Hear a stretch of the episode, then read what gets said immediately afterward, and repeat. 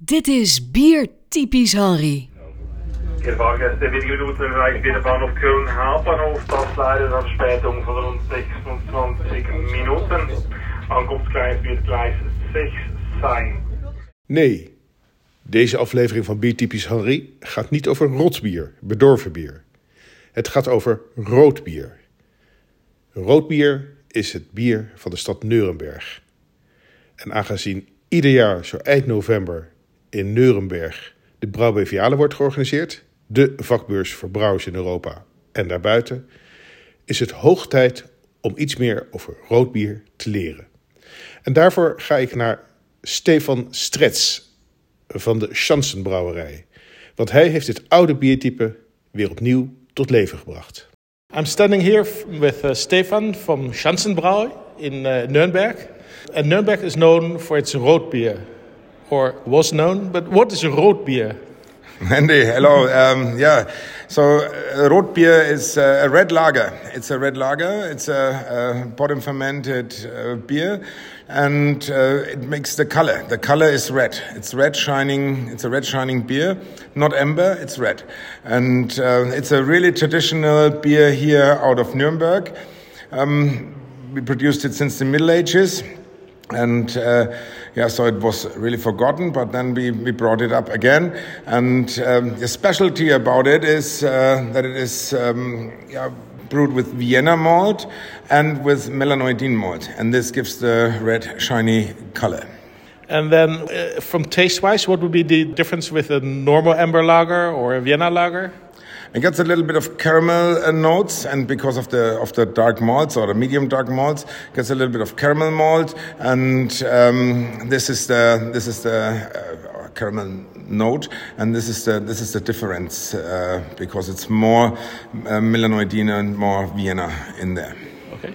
And what kind of hops do you use? Um, we use uh, Tradition, Select, and uh, Mandarina Bavaria. Oh, so also some new hops. Yes, of course. Uh, we like some new hops. We like the new hops. Um, we like the fruitiness. We like the bitterness. We like a well balanced beer. It must be a nice balance between. It's not easy to, to get the balance between the maltiness and the hops.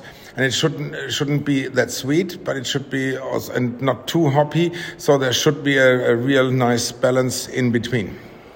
And is Rotbier now only available in Nuremberg, or can you get it? Are there, are there other uh, regions that make the same kind of beer?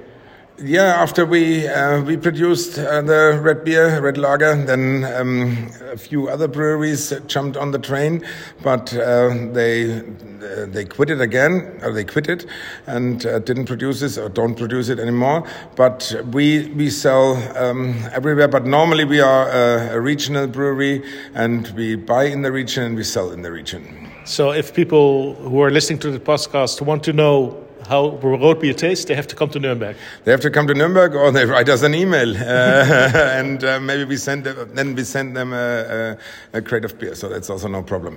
Okay, thank you very much. Yeah, thank you, Henry. Nice meeting you. Als ik Stefan goed begrijp, is roodbier een soort van neefje van de Vienna Lager.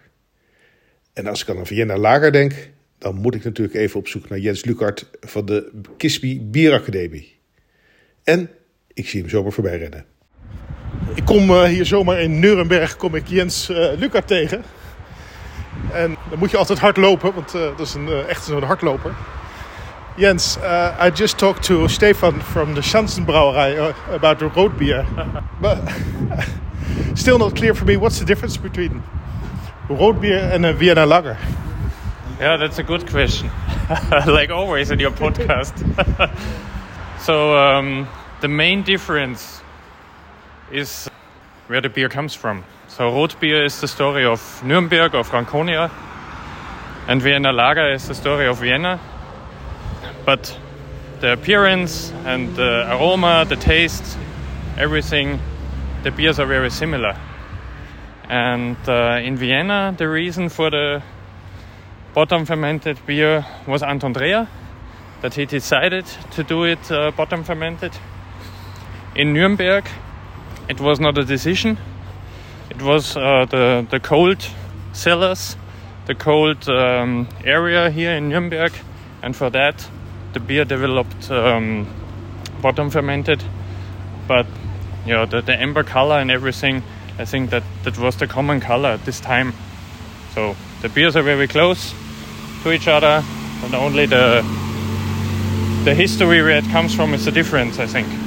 Okay, because uh, Stefan also said that there's a truck coming by now.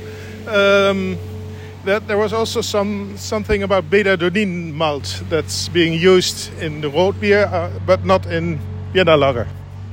Uh, yeah, the, uh, the Vienna lager is brewed with um, Vienna malt, and the traditional way to brew it 200 years ago was that there was a very intense mashing, so uh, more time, a three time decoction mashing, and then also 200 years ago the boiling times in the brew house was longer, so longer than two hours sometimes.